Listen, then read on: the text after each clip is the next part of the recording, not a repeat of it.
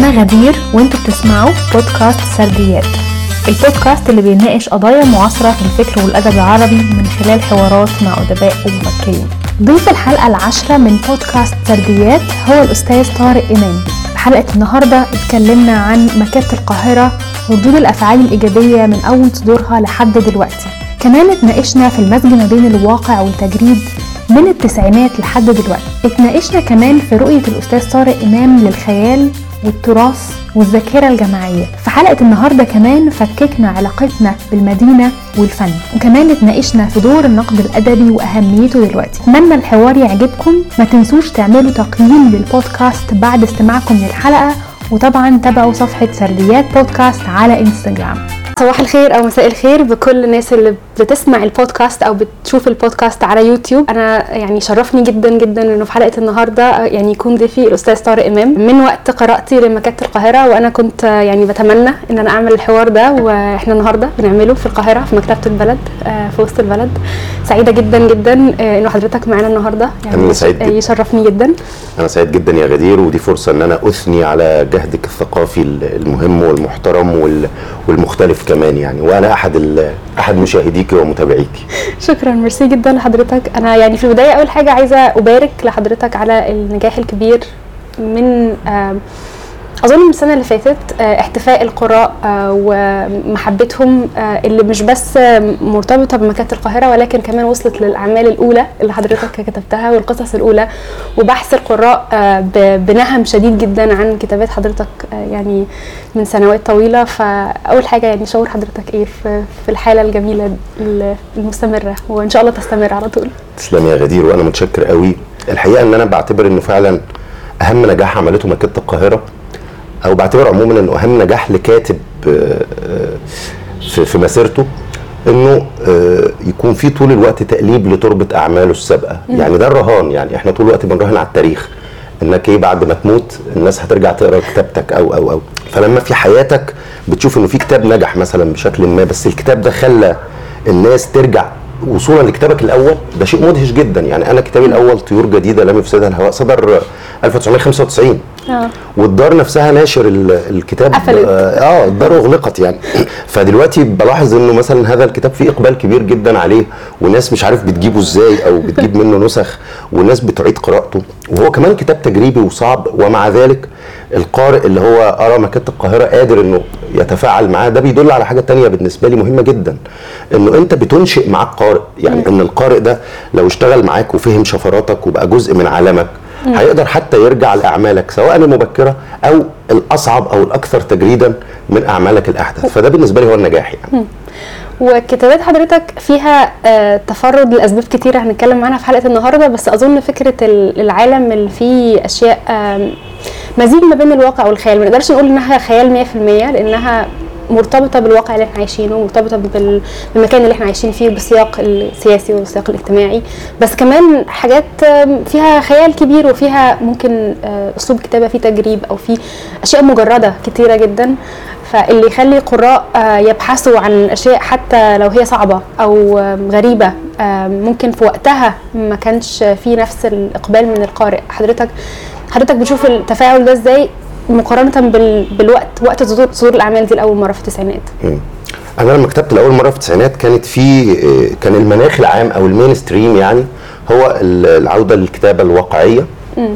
وكتابة الذات كمان بشكل أكبر التخيل الذاتي إنك آه. إزاي إنك أنت ذاتك دي تبقى هي بطل العمل بشكل أو بآخر. والاهتمام حتى بالهامشي واليومي كان ده المانيفستو غير المعلن للحقبة التسعينية في الأدب سواء على مستوى السرد أو على مستوى قصيدة النثر اللي هي كمان كانت يعني متسيدة المشهد بشكل كبير. أنا كنت بكتب فانتازيا.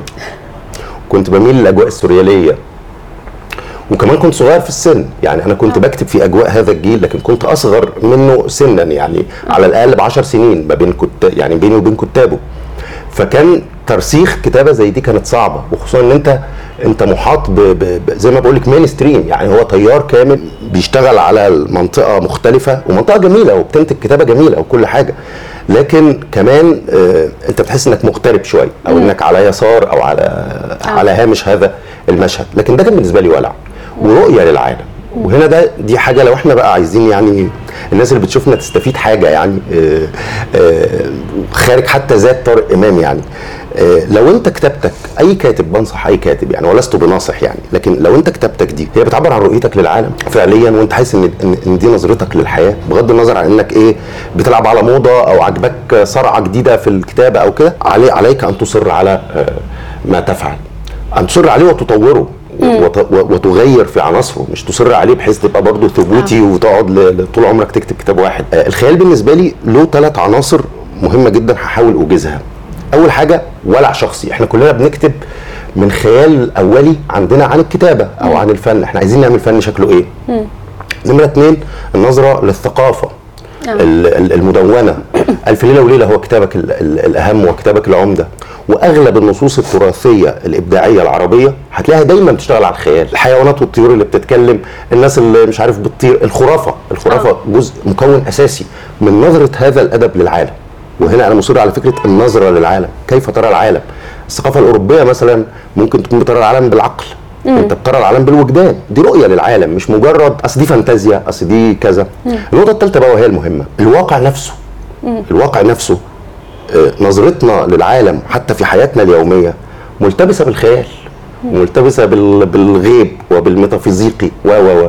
فإذا أنا لما بعمل ده أنا بنقل نبض ثقافة آه، كاملة على مستوى الخبرة اليومية وعلى مستوى حتى الموروث ال- المكتوب. وبحاول من خلال ده إن أنا أكون آه، جسر أو إن أنا أواصل آه، آه، عمل هذا التراث لكن بشكل معاصر وجديد. أظن إن ده اللي شد القراء آه، للأعمال بتاعت حضرتك إنه إحنا ممكن في صخب الحياة الحداثيه آه، بننسى أو بنبتعد عن آه، علاقتنا بالتراث بت- بتضعف. آه، بنبتعد عن قراءة ال- الأشياء اللي ممكن تكون أثرت في وجداننا وإحنا أطفال القصص اللي إحنا كنا بنسمعها وإحنا أطفال بس بسبب آه، حاجات كتير وظروف الحياة بيخلينا مبتعدين شوية عن ده بس لما حضرتك بتمزج ده في شيء آه، نقدر نقول إن هو بيمس القارئ بشكل ما هو بيشوف فيه نفسه بيشوف فيه يعني إحساسه في المكان اللي هو عايش فيه بيشوف السياق بتاعه بس في نفس الوقت مرتبط بتراثه فده أظن إن كان أكتر شيء آه، يعني خلى القراء آه، مهتمين. تهيألي إنه إنه ده ال- اللي بيميز كتابات حضرتك. آه، ال- المزج ما بين العوالم المختلفة اللي ممكن نكون مش بنلاقيه في في أعمال أخرى وكتابات أخرى.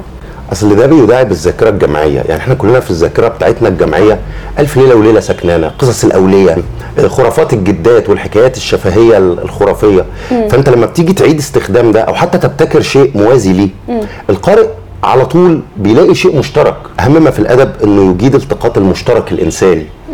بحيث إن أنت حتى لو دي مش حكايتك حتى لو دي مش قصة أنت عشتها تقدر تتورط فيها. إيه اللي بي... إيه اللي بيورط القارئ في... في- قصة عن شخص هو ما يعرفوش؟ حتى لو قصة تاريخية. المشترك الإنساني العميق. اللي يخليك ممكن تبكي لشخصية. أنت عارف إنها شخصية من ورق. آه اللي يخليك تتبنى آه عمل آه هو في النهاية مش بتاعك. الأدب لابد أن يلعب على المشترك ال... ال... الإنساني. والتراث موضوع خطير جدا يا غدير لأنه إحنا آه، ثقافة متطرفة. إحنا علاقتنا بالتراث حاجة من اتنين دايما يا إما انسحاق كامل يعني كل ما هو قديم جميل يا إما رفض كامل علينا قطيعة. آه. فأنا بشوف إنه ان دور الأدب مقاومة هذا الشكل من القطيعة الثقافية. ليه؟ لأن دور الأدب هو التفكيك. يعني إيه التفكيك؟ يعني إيه الجدل؟ يعني إنك تشوف التراث ده فيه ما يصلح لكي تعيد استخدامه أو لكي تعيد مساءلته. وفيه ما لم يعد يصلح. وإزاي إنك تاخد العنصر اللي أنت بتشوفه صالح واللي أنت بتشوفه قادر على أن يشير لأسئلة أنت عايشها وتعيد توظيفه أو تلعب معاه يعني بالبلدي كده علشان تعمل نص جديد ومختلف بيشير تماما للواقع. أنا بكتب من أجل الواقع على فكرة. أنا أستخدم الخيال لتعميق أسئلة الواقع والثقافة اللي أنا عايشها مش مش الفانتازيا التجارية يعني اللي هي معمولة بس للتسلية. آه، الجزء بتاع علاقة الأدب بالتراث كان واضح جدا في مدينة الحوائط اللانهائية يعني أنا كنت حاسة إن أنا دخلت في عالم ألف ليلة وليلة. و... وأشياء يعني تفاصيل كتيرة جدا في كتابة الرواية هي فعلا بتمس الواقع بتاعنا لكن هي آه، في تأثر كبير بالتراث في ال- في الرواية دي. آه، وطريقة السرد طبعا المبدعة والمبهرة إن إحنا بنشوف ال- القصة ب... ب- من خلال شخصياتها ومن خلال آه، غرائبية كل شخصية في الشخصيات الموجودة. ده أظن إن هو اتكرر بشكل ما في مكاتب القاهرة إن إحنا بنشوف آه، شخصيات برضو بنشوف ال- المدينة من خلال الشخصيات. وبنشوف حياتنا والواقع بتاعنا في السنوات آه، اللي فاتت وكمان سنوات جاية يعني في مكاتب آه. القاهرة من خلال شخصيات فهل هل ده التكنيك اللي حضرتك آه، بتستخدمه في في أعمالك حضرتك يعني بتشوف ده إزاي؟ أنا بشوف دايما إنه ال- ال- ال- ال- الخيال بالنسبة لي أنا الخيال بيبقى أقوى ما يكون حين يكون قابلا للتصديق وكأنه واقع آه. بحيث إن القارئ بعد شوية ينسى إن ده إن ده خيال. آه. أو أو ينسى الحدود ما بين الخيال والواقع. الخيال بالنسبة لي دايما آه، واقف على الأرض. له رجلين على الأرض. يعني له جناحين في السماء بس هو واقف على ساقين مغروستين في ال في ال في الأرض. بمعنى لو شخصية عندي في رواية زي مكتبه القاهرة اسمها بلياردو الشخصية دي فقعت عينها في الثورة. ده عنصر واقعي تماما. كلنا حصل. عشناه وشفناه وكده. طيب لو الشخصية دي في يوم من الأيام مشيت فلقيت تحت رجليها عين لسه مبصرة لم تفقع الخيال هنا أنا بشوف إنه مجرد امتداد يعني أنت بس امتداد للواقع جاي من الواقع. آه. وبالتالي فأنت لو تخيلت أنا شخصيا كنت بتخيل ده قبل ما أكتب الرواية. أنا لو ماشي ولقيت ببص تحت رجلي بدل ما ألاقي عملة معدنية أو جنيه واقع من واحد لقيت عين. هعمل بيها إيه؟ ده سؤال خدي بالك ممكن يكون حتى جه في ذهن ناس تانية. من هنا بيجي الموضوع. نود في ال في, ال في الرواية اللي هي بتبص في المراية فبتشوف شخص تاني. آه. دي مخاوف ممكن تكون جاية من طفولتنا إنك تبص في المراية في لحظة تتخيل تقول طب ولو ظهر شخص تاني؟ طب وماذا لو كان الشخص ده هو الحبيب المنتظر يعني؟ يعني هي أسئلة جاية من الواقع. لكن بي بي الخيال بقى دوره إيه؟ بيجسدها. عارفة يا غدير هقول لك مثل وإن كان بعيد عن الرواية يعني. الكاريكاتير. آه. الكاريكاتير بيعمل إيه؟ أنت لما بتجيب مثلا عبد الحليم حافظ ولا أم كلثوم لو الأنف مثلا ضخم شوية أنت بتضخمه أكتر ولو العين صغيرة شوية أنت بتصغرها أكتر. أنت بتغير في النسب. في النهاية اللي أنت راسمه ده مش بورتريه مش مش مش صورة فوتوغرافيا دي, دي, دي حاجة م- م- فيها نسب مضخمة وفي نفس الوقت نسب م- مثلا مصغرة جدا. ومع ذلك أول ما بتشوف بتقول آه ده فلان ودي فلانة رغم إن هو شوه آه. ال- النسب الأصلية. آه. لكن هذا هذه المبالغة أو هذا التضخيم أو هذا التصغير قادر أكتر يمكن من من بورتريه أحيانا مرسوم آه، واقعي جدا إنه يخليك تقول فورا آه ده فلان. ده دور ده دور الخيال بقى هنا. الخيال أحيانا يضخم عنصر أو أحيانا آه، يعمل آه، نوع من أنواع ال ال ال مش هقول التغريب لكن من أنواع إنه بيعمل تبقير أو بيحط كده عدسة مكبرة على شيء ممكن يبقى عادي ويومي وهامشي فأنت تشوفه كأنك أول مرة تشوفه. زي مثلا الميكروسكوب لما بي- بيبص على البكتيريا فتلاقي الحاجة اللي قد كده هي قد كده. بس هي دي حقيقتها برضه. آه. دي مش كذب.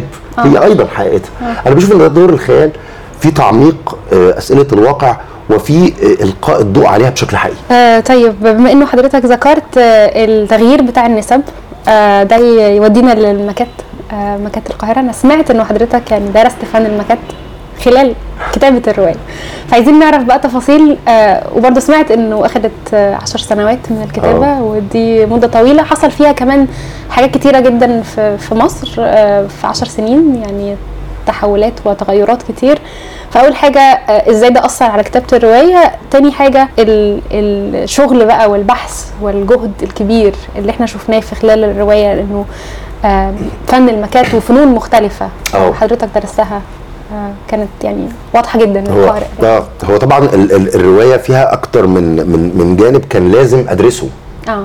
وأولها جانب صناعة الماكيت ده وده جانب معماري وجانب مش سهل يعني. فكان لازم أدرس كويس ده بيتعمل إزاي؟ من أنهي مواد؟ والنسب. يعني أنا مثلا في الرواية بقول إن الماكيت اللي معمول ده نسبة 1 ل 35 آه. أنا درست ده إنه لو 1 ل 35 يبقى شكله إيه بالنسبة لو ترابيزة 1 ل 35 يبقى شكلها إيه بالنسبة للترابيزة الأصلية؟ عشان خيالي وأنا بكتب ما أقولش حاجة ويجي حد يقول لي لأ مش حقيقي. ده لو اتعملت كده مش هتبقى دي النسبة اللي انت بتتكلم عنها. آه. درسته بشكل قوي جدا درست حاجات تانية جوه الرواية زي مثلا قعدت فترة طويلة أدرس قوانين دور الأيتام. آه. إمتى الشخص بيخرج من الملجأ.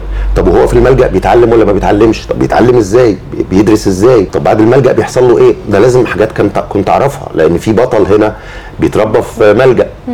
آه الكوميكس. أنا بكتب كوميكس وعندي رسامة كوميكس. أنا بكتب كوميكس بس كمان كان في جزء نظري لازم يبقى يبقى انت مستكمله في الموضوع ده.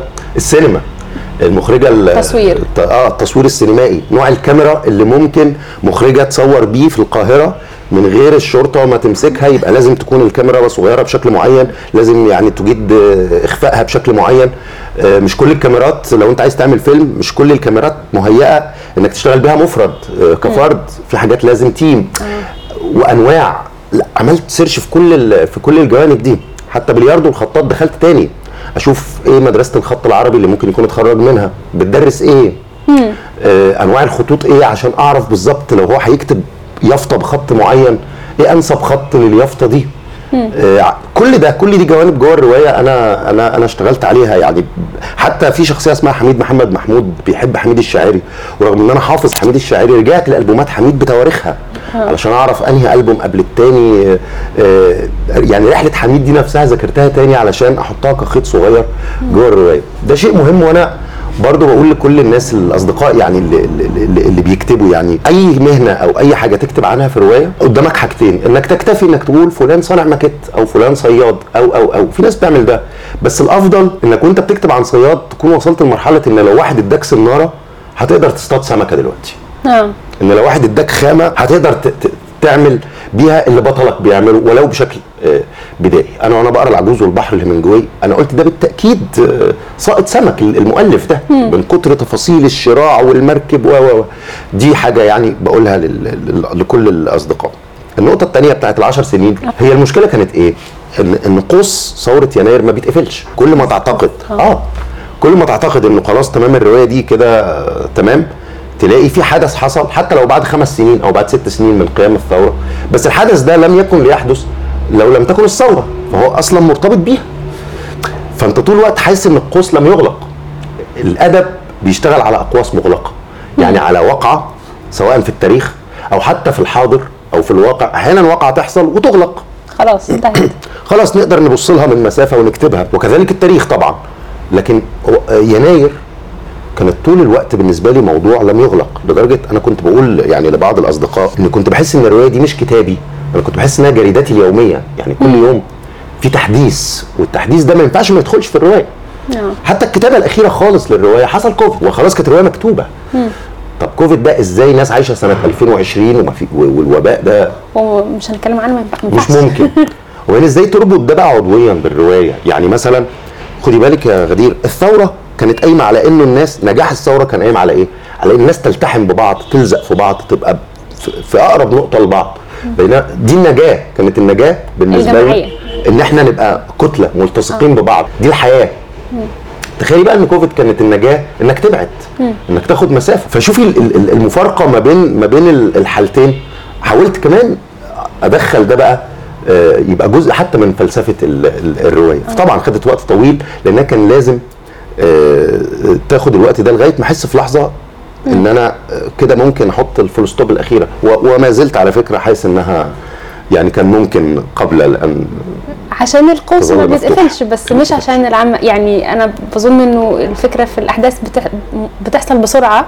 وحضرتك بتكتب والأحداث شغالة آه بس أنا. بظن إن هو عمل يعني مكتمل وبديع بس الفكرة الحياة بقى بتاعتنا هي ال- المستمرة لا. آه، مفيش نقطة الرواية الأصلية اللي عايشة آه. في الخارج هي دي اللي ما بتقفش طيب جزء مهم عشان نفهم مكانة القاهرة جزء مهم آم، من فهمنا لده مرتبط بفهمنا لعلاقتنا بالمدينة آه، آه، سواء فهمنا للحظة الحاضرة اللي إحنا عايشينها أو إن إحنا بنبص على الماضي أو بنستشرف المستقبل أنا بشوف انه تجربتنا كلنا في نفس المدينة مختلفة. آه، حتى لو آه، أبناء نفس الجيل عايشين في نفس المكان بس آه، مدينة زي القاهرة بالتحديد هي مدينة آه، ضخمة. آه، كل شخص ممكن يبقى عنده تجربة مختلفة فيها وذكريات مختلفة فيها. حتى لو إحنا بنمر بنفس التجربة زي الثورة أو كوفيد أو كل الأشياء دي بتأثر فينا بشكل جماعي بس في نفس الوقت آه، تجربتنا بتختلف باختلاف حاجات كتير. رؤية بقى حضرتك آه للمدينة وتجربه تجربة حضرتك فيها من أول ما جيت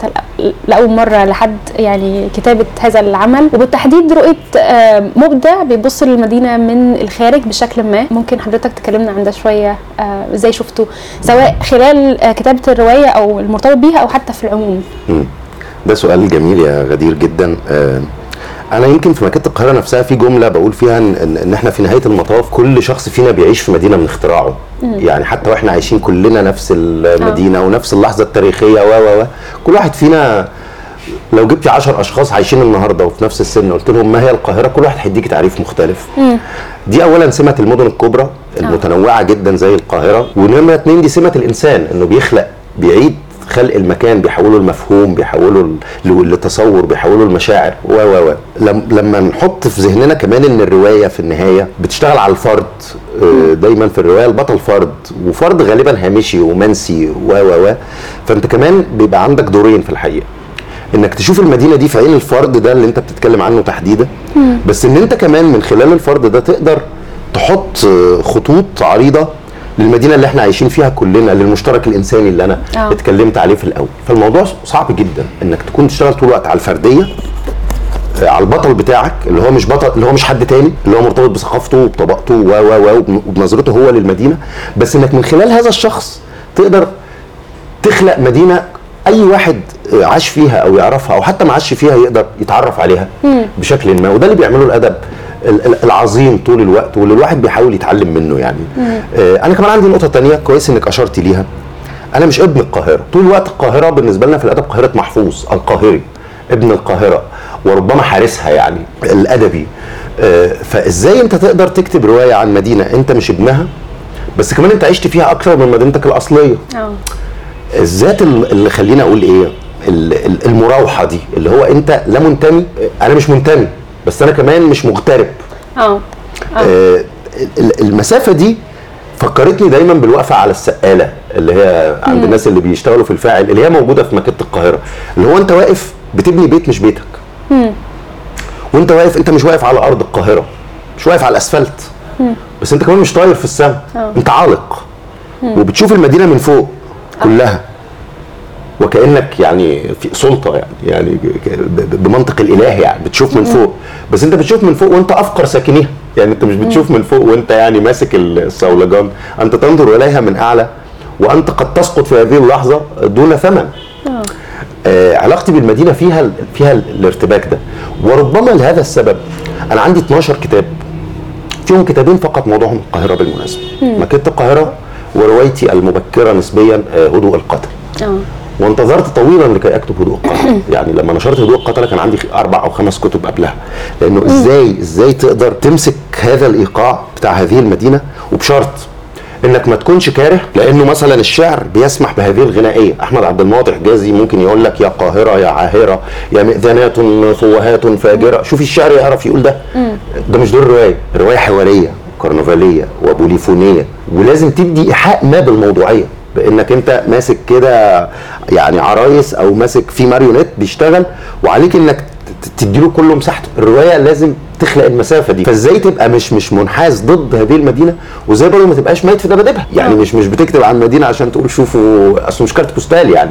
الارتباك ده أنا بشوف إنه لما بيتنقل في ال- في ال- في ال- في الفن بيحقق دور جزء كبير من دور الفن إن هو يحاول يخلق لك صورة ما فيهاش حكم قيمة ما فيهاش انحياز مع أو ضد.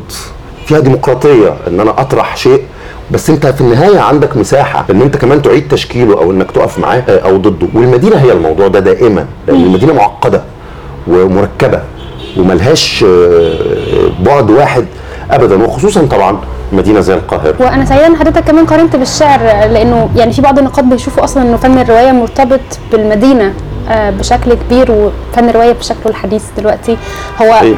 اتولد مع ميلاد المدينة الحديثة الأشخاص بينتقلوا من من آم، يعني آم، بلاد أصغر وبيعيشوا في مدينة كبيرة وتغير نمط الحياة نفسها هو اللي نتج عنه إن طبعا. يكون في رواية فالعلاقة ال- المرتبكة دي ما بين الرواية والمدينة هي اللي بتخلي الموضوع في حوار زي ما حضرتك قلت مش طبعا. مفيش ال- الرؤية اللي هي زي الشعر أو زي فنون تانية ممكن تبقى يا إما محبة جدا أو أو ناقمة بشكل بشكل كبير. لأن نشأة الرواية نفسها ارتبطت بدخول أوروبا لعصر الصناعة و- ومغادرتها لعصر الإقطاع أو لحقبة الإقطاع. آه. عصر الصناعة ده خلق حاجتين مهمين جدا أو بلور حاجتين مهمين جدا. الطبقة الوسطى بقت هي الطبقة ال ال الأساسية. والنمرة اتنين يعني نهوض المدن بقى وتضخمها. الصناعة يعني مدينة. آه. آه. مش آه، عكس عكس بالضبط قيم الريف. الزراعه والريف يعني الجماعة يعني القبيلة. يعني يعني السلطات ال- ال- ال- المحددة. ده بيحكم وده بيزرع آه، السيد والعبد و. مع مع مع تطور شك شك- فكرة المدينة. ومع دخول أوروبا عصر الصناعة وكمان سطوع فكرة الفردية أصبح الإنسان محتاج لفن جديد أصلا آه. يعبر عنه. ما بقتش الملحمه تقدر تعبر عن الإنسان الشخص اللي بيشق بحور و- وطرواده والاوديسا والإلياس. لم تعد تشبع الشخص الجديد ده اللي واقف ورا بيشتغل في مصنع. مكنة واللي هو بقت الحقيقة قدامه نسبية طوال الوقت. وعشان كده دايما أقول يا جماعة أي فن مهم جدا إنك تشوف حتى نشأ إزاي ونشأ ليه؟ الحاجات الفنون ما بتنشأ ما بت... لا تن... الفنون لا تنشأ جزافا والفنون اللي بتندثر زي الملحمة اندثرت مفيش ملحمة النهارده ورثتها الرواية ليه؟ لأن ال... ال... لأنه ال... ال... السياق اللي كانت الملحمة موجودة علشانه لم يعد موجودا وبالتالي أنا موافق على إنه الرواية بنت المدينة وان الرواية آه، بنت ال- ال- الفرد والرؤية الفردية للعالم. خدي بالك في فرق كبير جدا مثلا ما بين تلقي رواية وتلقي الفيلم مثلا. آه. أنت في الر- الرواية لما بتكتبها زمن استهلاكها وزمن قراءتها و- و- مختلف من شخص لشخص لأنه لا يقرأها سوى شخص لوحده. مفيش اتنين هيمسكوا رواية مع بعض يقروا فيها. حتى في الفيلم السينمائي أو في المسلسل أو في أي فن آخر آه، هو قابل لأنه يبقى في 20 أو 100 شخص في نفس اللحظة بيشوفوا نفس النص. في نفس الحيز الزمني بشكل إجباري. ايا كان حتى حتى لو اتفقنا إن شكل تلقيهم طبعا هيختلف. بس على الأقل في شيء إجباري إحنا بنشترك فيه كجماعة. إن إحنا هنشوف الفيلم ده خلال الساعتين دول كلنا. إنما الرواية ما فيهاش ده. فالرواية هي أكثر الفنون في حقيقة الأمر فردية. والروائي لما ظهر فكرة الروائي هو ما كانش معبر عن الجماعة أو القبيلة زي الشاعر. الشاعر لفترات طويلة جدا كان الرائي كان النبي كان وارث الأنبياء كان وارث النبي يعني وكان ي- هو اللي يعني بيعرف عنده معرفة أكبر من ال- من من بقية قبيلته وهو صوت الجماعة آه. وهو صوت المجموع الروائي من اللحظة الأولى فرد. يختار فردا آه، ليعبر بها عن العالم آه طيب إحنا كمان في مكاتب القاهرة بنشوف آه اهتمام واضح بفنون مختلفة وبتتقاطع مع بعض وبتتقاطع مع فن الرواية نفسه آه سواء بقى ال- التصوير أو فكرة المكاتب اللي قايم عليها الرواية كل الفنون دي آه مرتبطة ببعض وأنا عارفة اهتمام حضرتك الكبير بال بالرسم والفنون التشكيلية. آه وده كان واضح في في الرواية يعني بنشوف بنشوف الشخصيات كل حد عنده رؤية آه مش بس رؤية لنفسه رؤية للمدينة بس كمان رؤية فنية آه بيعبر عنها بفنه. فده كان يعني هل ده كان اختيار إنه كل الأشخاص بي بيشوفوا المدينة وبيشوفوا حياتهم من خلال الفن بيعبروا عنها من خلال الفن؟ هل ده كان اختيار من البداية؟ آه، ولا إتف- يعني الرؤية بتاعت الرواية هي اللي فرضت إنه الشخصيات يكونوا آه، بينتموا لل- للمجال ده. هو أنا من حتى من نصوصي المبكرة مشغول بفكرة إنه الفن يبقى موضوع للفن. يعني هتلاقي ابطالي شعراء وكتاب وحاجات كده يعني. في مكتبة القاهرة كان ضروري جدا إنه الأبطال يكونوا فنانين. اولا كنت عايز أسأل عن دور الفن نفسه. آه. إحنا من جيل أنا مولود سنة 77 إحنا من جيل لم يمارس السياسة اطلاقا. يعني لا في حزب ولا في الشارع ولا في أي حاجة. يعني خلقنا أو وجدنا في سياق كان العمل السياسي فعليا انتهى. آه. بخلاف الأجيال الأسبق آه، لحقوا شوية. لينا لحقوا شوية ومارسوا العمل السياسي وفي الجامعة وفي الأحزاب و كان أول عمل سياسي نمارسه في حياتنا تتخيلي؟ ثورة يناير. إنك تنزل الشارع. يعني تخيلي أنت بتنزل علشان تغير آه، آه، نظام وأنت ولا مذاكر سياسة. مرة واحدة كده. ومره واحدة ولا عارف سياسة ولا عارف آليات العمل السياسي ولا أي حاجة. في ثورة يناير أنا تساءلت وأنا في الميدان ده عن دور الفن ما أنا لقيت اغاني احمد فؤاد نجم واشعار امل دنقل و طب ما ده فن والناس دي بعضها كان مات وبعضها كان عجز. بس طب ما الفن هو بيلعب دور. بتمشي تشوف الجرافيتي رسام الجرافيتي اللي بعد دقيقة من ال- الرسمة اللي بيعملها بتيجي قوة يعني قوة شرطية مهولة وضخمة جدا عشان تمسح الرسمة دي وكأن الرسمة دي مهددة جدا ولا ولا يجب أن تظل دقيقة واحدة. والشخص ده بيهرب وبيطلع يجري وعايزين يجيبوه. متخفي. ومتخفي. آه. ومتنكر في اسم تاني ولذلك حتى أسامي الأبطال هنا لذلك هي أسامي كده يعني حركية. طب ما ال- الغنى اللي في الميدان ال- ال- الناس اللي كانت بتصور أفلام بكاميرات مخبأة وكده لأن في خطر. آه. طب اذا يا جماعة ما الفن بيخوف أهو.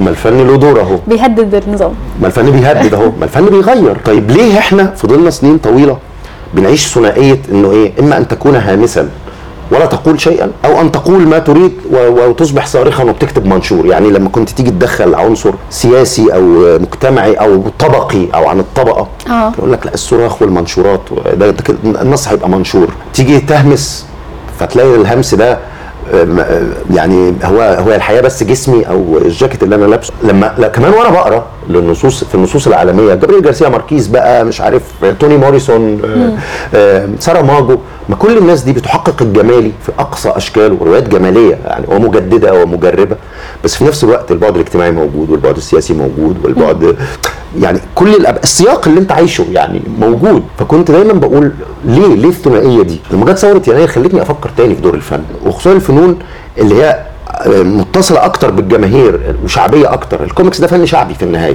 الجرافيتي فن شعبي. الجرافيتي أمام اللوحة. ال- الكوميكس أمام الك... ال- أمام الرواية. الفيلم التسجيلي المباشر اللي بيدون أمام الفيلم الروائي اللي كنت بسأل آه، عن الفن وعن دور الفن وعن الأشكال ال- ال- اللي استحدثت. هي مش أشكال جديدة لكن الثورة أيقظتها اديتها دور ال- البطولة. وقررت ان أنا في الرواية دي اقلب تربط كل أسئلتي عن الفن وعن دور الفن علاقة الفن بالسلطة. علاقة الفن بالفن. أو بنفسه. السلطة سؤال السلطة آه، مش بس السلطة الدينية أو السلطة السياسية أو السلطة المجتمعية وهي كلها سلطات موجودة لكن كمان السلطة الجمالية. لأنك أحيانا بتهرب من كل السلطات دي إلى الجاليري. آه. اللي هو هيحتويك وهيستوعبك. فتكتشف أنك تصطدم في حقيقه الأمر بسلطة جديدة لا تقل شراسة عن كل هذه السلطات التي هربت منها. سؤال الفن سؤال محوري عندي. وإحنا ورث ورثنا حاجة كده من وإحنا صغيرين كان يقول لك إيه آه، الفن هو إخفاء الفن.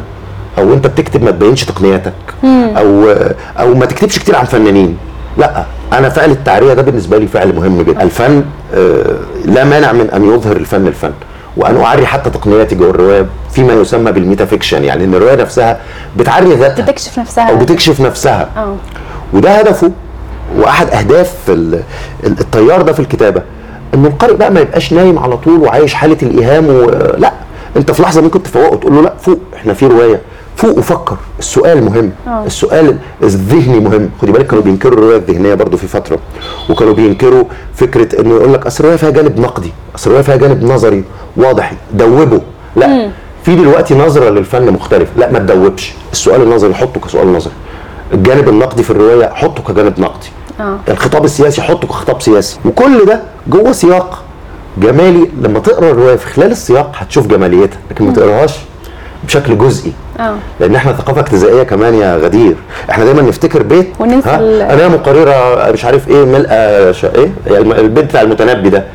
آه. مش آه، دايما هتلاقي نفسك إيه فاكرة أبيات حتى في الشعر. إحنا آه. فاكرين أبيات بس مش فاكرين قصيدة. إحنا ثقافة الكوت. آه دي حقيقة. ودايما السياق منسي.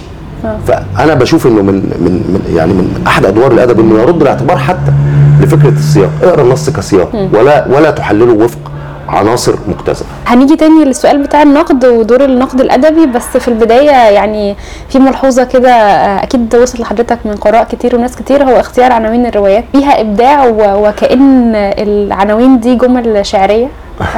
في في فن كده في الاختيار من اول العمل الأول محاولة لاحتواء الضوء آه. القصة الأولى. أول قصة. وبعد كده طيور جديدة لم لم يفسدها الهواء آه، يعني وصولا بقى بكل كل الأعمال التانية طعم النوم هدوء القتلة. إزاي حضرتك بتختار العناوين؟ لأن أنا متأكدة ان في قراء كتير آه، عايزين يعرفوا الكواليس. آه، في الآخر ولا في خلال الكتابة ولا؟ إزاي ده بيحصل؟ ربنا يخليك يا غدير. اولا بشكرك على رأيك ده وبرضه بشكر القراء الأعزاء وهم فعلا بيسألوني السؤال ده يعني. الرواية الوحيدة اللي كان عنوانها موجود من تقريبا اللحظة الأولى كانت مكتبه القاهرة. أوكي. لأنها هتتسمى إيه غير مكتبه آه. القاهرة؟ آه. ناس بتعمل مكتبه القاهرة فمفيش حل يعني. كل أعمالي فيما عدا هذه الرواية العنوان بكت يعني بوصل له بعد إنهاء العمل. آه يعني أو مع المرحلة الأخيرة. جدا في كتابته. آه يعني واحيانا بتبقى في أعمال ليها عناوين يعني مؤقتة زي ما بيعملوا في السينما كده أو بتبقى عناوين أنا متخيل إنها هتبقى عنوان الكتاب يعني. وبعدين؟ وباجي في الآخر آه، ألاقي نفسي إنه لأ آه، مش هيبقى ده العنوان. هقول لك حاجة بقى اكسكلوسيف ليكي أو لبرنامجك مثلا هقول لك على عملين ليه آه. هدوء القتله كان اسمها يدي اليسرى طول ما أنا بكتبها الإيد اليسرى ال- ال- المهمشة دي واللي على متن الج... اللي على هامش الجسد دي وبتاع.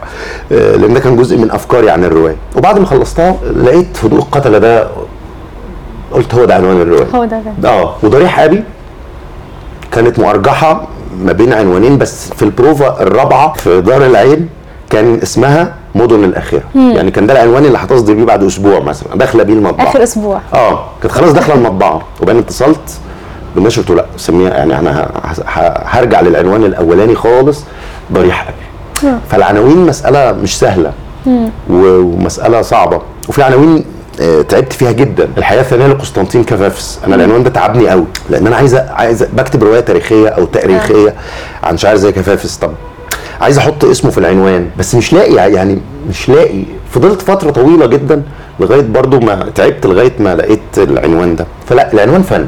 ومشكلة العنوان إنه بيأدي أكتر من دور. يعني لازم يبقى معبر عن العمل ولازم يبقى جذاب. آه. ويا حبذا لو له دور تجاري. يعني لو لو لو لو كان عنده جانب كده يخلي اللي ما يعرفكش خالص يقول لا أنا هقرا الرواية دي أشوف فيها إيه؟ يعني. طيب أنا عندي آه، سؤال بعد كده مرتبط بالنقد الأدبي. آه، وأنا عارفة إنه حضرتك لك رأي يعني مهم جدا في دور النقد واهتمام بالنقد عموما وبدراسته بالكتابه عنه بالكتابة النقدية عن أعمال الادبيه كتير. فحضرتك إزاي بتشوف العلاقة بين النقد وبين الأدب وهل الناقد مازال دور مهم بالنسبة للكاتب في الزمن اللي إحنا عايشين فيه دلوقتي؟ ده سؤال مهم وحيوي جدا. اولا أنا دارس أدب إنجليزي. في دراستي في للأدب الإنجليزي آه، اكتشفت إنه نفس المبدعين الكبار في فن زي الرواية هم نفسهم كانوا منظرين لهذا الفن. يعني حتى مش نقاد تطبيقيين لأ. كان, آه. كان لهم دور تنظيري حقيقي في إرساء عدد من قواعد هذا الفن أو أو في إضافة عدد من الأسس لهذا الفن وكذلك في الشعر وكذلك في كافة الفنون يعني. بينما الثقافة العربية ما تزال تنكر ال- الجمع بين ال- ال- المنحيين يعني. يقول لك أنت لو كاتب ما مالكش دعوة بالنقد. وأنا مش عارف إزاي كاتب سيبك من ممارسة النقد. آه. بس إزاي كاتب روائي يبني رواية ويشيد معمار مش عارف. وهو ما عندوش خبرة نقدية. يعني مش لازم الخبرة دي تحولها لنقد. مش لازم تكتب نقد ولا حاجة. بس إزاي الكاتب ما يبقاش عنده هذه الخبرة؟ أنت لما بتقرأ كتاب لما بتيجي تقرأ رواية أنت بتمارس دور نقدي. بتقول لا ده كان المفروض يبقى كذا مثلا أو عندك عندك آه، رؤية نقدية. فأنا بشوف انه إنه آه، أن يحوز الكاتب أو الروائي بما إننا بنتكلم عن الرواية يعني رؤية نقدية ده شيء مهم جدا جدا. وخصوصا ان فن الرواية كمان فن مركب يعني فن الرواية مش ابن الإلهام هو مش ومضه مش نص كده بيجي يعني مش فن فطري. يعني الرواية ما بتتكتبش بالفطر. ممكن قصيدة تتكتب بشكل فطري. ممكن. ممكن شاعر زي رامبو آه، فطرته تخليه شاعر ملهم ويبطل وهو عنده 17 18 سنة للأبد يعني. لكن فن الرواية فن مركب جدا. فن فيه معمار. فن فيه بتحرك شخصيات بتحرك أفكار. فالخبرة النقدية لابد منها آه، في تقدير يعني. ممارسة النقد بقى نفسه. أنا اولا مارست النقد لأني كمان زي ما بقول لك شفت في الغرب مبدعين كبار وهم نقاد كبار. وأنا الحقيقة مش عارف إيه يعني إيه التعارض يعني؟ التعارض يعني. يعني يعني أنت بتمارس شغلانة وبت وبتشتغل فيها في جانبها ال- ال- التنظيري يعني أو في جانبها حتى المجرد. النقطة الثانية إحنا إحنا كجيل لما بدأنا نكتب كان كل كان كل النقاد الكبار بيكتبوا عن أجيال سابقة محدش كان بيكتب عن الكتابة دي. فأنا قلت بما إني عندي قدر من يعني عندي ملكة ما طب ما أنا آه، أكتب عن عن زملاتي اللي في التختة يعني. يعني أنا أنا على فكرة كل كتابتي النقدية منذ سنة 95 حين نشرت مقالي النقدي الأول. وحتى الآن هي عن الكتابة الجديدة أو عن الأجيال آه، المعاصرة لحضرتك دلوقتي. آه بالظبط. آه. لأني بشوف إن ده الدور بتاعي لو أنا ابن الم- المناخ ده والحساسية دي. طب ما الكاتب الكبير العظيم عنده اللي بيكتب عنه ومتحقق. الكتابة دي بتبقى محتاجة قدر من الضوء وقدر من الحساسية المشتركة. لأنه نفس أحيانا. نفس- طبعا. أصل أنت أحيانا تعمل حاجة فيجي ناقد من زمن آخر أو في سياق آخر فيقول لك آه، بس دي كانت المفروض تتعمل كذا بس دي هو مش مطلع على حاجات هو راجل عظيم. بس هو مش مطلع على حاجات أحدث في الأدب في الفن في النظرة آه، للعالم يعني. دي نقطة. النقطة بقى الثالثه والمهمة دور النقد. أعتقد إن دور النقد انتهى. آه. يعني أنا النهارده خلاص السلطة انتقلت من يعني يد الناقد إلى يد القارئ. السلطة بقت هي Goodreads والسلطة بقت ال social media وسلطه التلقي. ما هو الناقد متلقي. آه. دور الناقد إيه؟ الناقد كان هو المتلقي اللي بيفرز مثلا أو اللي بيضيء على عمل و و و ويقيم و و و الدور ده صار قاصرا على الجوائز. خلاص يعني النقاد دلوقتي دورهم سلطتهم موجودة الجوائز. في الجوائز إنك تمنح ال- الجائزة دي أو دي أو دي. إنما فعل التلقي الحقيقي على الأرض ذهب آه، بالكامل أعتقد أو كاد آه، أن يذهب بالكامل إلى ال- إلى الفعل القرائي. طب حضرتك بتشوف إن دي حاجة بتخلينا برضو نفتقد الجانب التنظيري عن الفن زي الرواية أو الأدب عموما؟ مش بنلاقي يعني مهما كان القارئ هي هيكون بي بيحكم على عمل من خلال تجربته ومن خلال قراءاته مش من خلال رؤية أعمق أو تنظير يعني أشمل شوية بيحط الرواية في سياق أكبر. فهل إحنا الدور ده محتاجينه آه، ولا إحنا يعني إزاي نقدر نشوف التغير وانتقال السلطة من الناقد للقارئ دلوقتي؟ الدور ده إحنا محتاجينه طول الوقت لكن مش بمدرسي آه، مش بمدرسي الجامعة. آه. يعني إحنا برضو هرجع وأقول في العالم العربي الناقد يعني إيه؟ أنا أستاذ مادة في الجامعة. طب هو أنت أستاذ مادة في الجامعة؟ يعني ساعات يبقى واحد مثلا بيدرس بلاغة في في في قسم لغه عربيه بيدرس قصيدة عمودية أستاذ شعر جاهلي مثلا. آه. وبيكتب على الرواية. هو أنت عشان بتشتغل في الجامعة واسمك مكتوب قدامك دال. تبقى تكتب على الرواية؟ لا فاحنا عندنا الأكاديميين هم النقاد. ما هو الأكاديمي ده مدرس زي مدرس العربي في إعدادي وفي ثانوي. مدرس يعني عنده خبرة خبرة تخص المادة اللي بيدرسها للطلبة بتوعه لكن ما عندوش خبرة تناول نص أدبي. آه. بالضرورة ما عندوش الخبرة دي. يبقى إيه مشكلة النقد؟ مشكلة النقد إنه ومنذ سنوات طويلة جدا ذهب إلى الأكاديميين في الجامعات فبقوا بيكتبوا نقد عشان يترقوا. عشان يعملوا بحوث محكمة مش عارف تعمل إيه في الجامعة. هم أصلا ما عندهمش مش لازم برضو الناقد زي ما بقول المبدع لازم تبقى عنده روح نقدية. الناقد لازم يبقى عنده روح إبداعية. آه بالظبط. مش بالضرورة إنك تبقى مبدع بتكتب رواية ولا شعر بس لازم تكون فنان. تعرف تقرأ العمل من جواه تعرف تقرا العمل بشروطه تعرف تكتب نص نقدي ممتع. ليه النص النقدي لعبد الفتاح كليته ممتع؟ ليه النص النقدي لإيتالو كالفينو ممتع؟ آه، الحاجات دي القراء اللي ممكن يكونوا مش متخصصين بيستمتعوا بيها. بالظبط. ميلان كونديرا. في ناس كتير جدا امبرتو إيكو هو منظر عظيم ومبدع كبير. ليه الناس دي لما بتيجي تكتب نقد بنستمتع بيه وبنقرأ الكتاب كأننا بنقرأ رواية؟ لأن هو في الحقيقة بيقدم لك معرفة وبيقدمها بشكل ممتع. وبيداعب خيالك. آه. وبيدخل للنصوص من جواها يلعب معاها بجد. إنما إحنا هنا لأ. آه، النقاد آه، آه، في الأغلب علشان بس ما أكونش بعمم بس الأغلبية الكاسحة يعني آه، بيكتب بحث. جاف بلغة جافه آه، متح- متفذلق ومتحذلق وفي فرق بين ال- الحذلقة وما بين العمق. يعني في فرق. وبالتالي بتلاقي نفسك آه، منصرف عنه. آه، مش هقول لك إن القارئ ما بيفهموش ولا الكاتب. مرة نجيب محفوظ قال أنا بقرأ مقالات عني ما بفهمهاش. فكان لازم دور النقد تقلص لهذه الأسباب. إلى جانب أسباب تانية إنك بتكتب عن الناس المحسوبية والحاجات بقى اللي إحنا عارفينها ما بحبش أتكلم عنها يعني كتير بس موجودة في النهاية. لابد من عودة الناقد لكن الناقد المبدع. الناقد الذي يضيء النص. الناقد اللي يخلي كتاب النقد ممكن يبقى best seller زي زي رواية رائجة لأنه ممتع ولأنه مفيد. والناقد اللي ممكن يكون في نفس الوقت برضه روائي وبيبص. بيبص للأدب بشخص هو هو جوه الأدب برضه يعني مش مش شخص بعيد عنه. أجمل ناقد في رأيي الناقد اللي بيجمع ما بين الإبداع وال وال وال والحس النقدي أو الرؤية النقدية. لأنه أنت بقى إيدك في الموضوع زي في الكورة كان لما يجي حكم ويحسب فاول كده مش باين قوي في الملعب كان المعلق يقول لك إيه؟ الحكم ده لاعب كورة. رغم إنه خلاص بيمارس حاجة تانية. آه. آه أنا في رأيي إنه ده آه يعني مهم جدا إنه المبدع آه يعني يا ريت يا ريت كل النقاد يكونوا مبدعين أعتقد الدنيا هتبقى أفضل. جدا. طيب آخر سؤال دايما بختم بيه في الحوارات إن إحنا نتعرف أكتر على الكتب اللي أثرت في تكوين الكتاب اللي إحنا بنحبهم وبنقرأ لهم. أظن ده بيدينا نظرة عن تكوينهم وكمان بيدينا ترشيحات مميزة أثرت في, تكوين كتاب يعني عظماء. فيعني لو حضرتك ممكن تشاركنا مجموعة من الترشيحات لكتب مش بالضرورة تكون أثرت في كتابه عمل معين ولكن اجمالا أه، أثرت في تكوين حضرتك في مراحل مختلفة. آه، ممكن في الحالة دي أتكلم عن الكتب المؤسسه بقى. آه. يعني اللي هي خلت طارق إمام ده كاتب. أو اللي لو ما قراهاش يمكن ما كانش يبقى الكاتب اللي بيكتب النهارده. آه، ألف ليلة وليلة. على فكرة منذ الطفولة كنت بقرأ ملخصاتها. يعني ألف آه. ليلة وليلة ميزتها إنك في كل مرحلة تقدر آه. تقراها. يعني بص- بصيغ مختلفة. ال- العهد القديم. آه، كتاب العهد القديم يعني. التوراة. آه. بما فيه من خيال عظيم ورؤية لل- للعالم يعني ملهمة لل- لل- لل- للفن. كان بالنسبة لي ملهم. بالنسبة لي ملهم جدا جدا جدا يعني. الملاحم الإغريقية الأدب الإغريقي ال- ال- آه. ال- ال- ال- ال- ال- القديم اللي هو برضه بيمزج الواقع بالخيال وبيقدم معرفة يعني شديدة ال- الكونية. وبرضه هو دايما ملائم للسن يعني أنا ليه بقول دي كتب مؤسسة؟ لأن أنا قريتها آه، مش وأنا كبير قوي يعني وأنا برضو ببدأ. وممكن كان فيها حاجات غامضة بس في الإجمالي في المجمل بتقدر تخرج منها بحاجة بحاجة في الخيال بحاجة في اللغة بحاجة في الرؤية للعالم. دي بالنسبة لي آه، نصوص مؤسسة نصوص ال- الأدب الإغريقي كله. وعلى فكرة نصوص الأدب الإغريقي دي مؤسسة في, في, في تاريخ ال- الفن في العالم كله في المسرح وفي وفي الرواية وفي الشعر وفي كل حاجة. دي حاجات بالنسبة لي كانت آه، مؤسسة جدا جدا جدا. قبل أن بقى أدخل إلى عالم بقى ال- ال- ال- الفن والأدب واللي هو الأسامي فيه يعني يعني كثيرة جدا. آه كليلة ودمنة مثلا.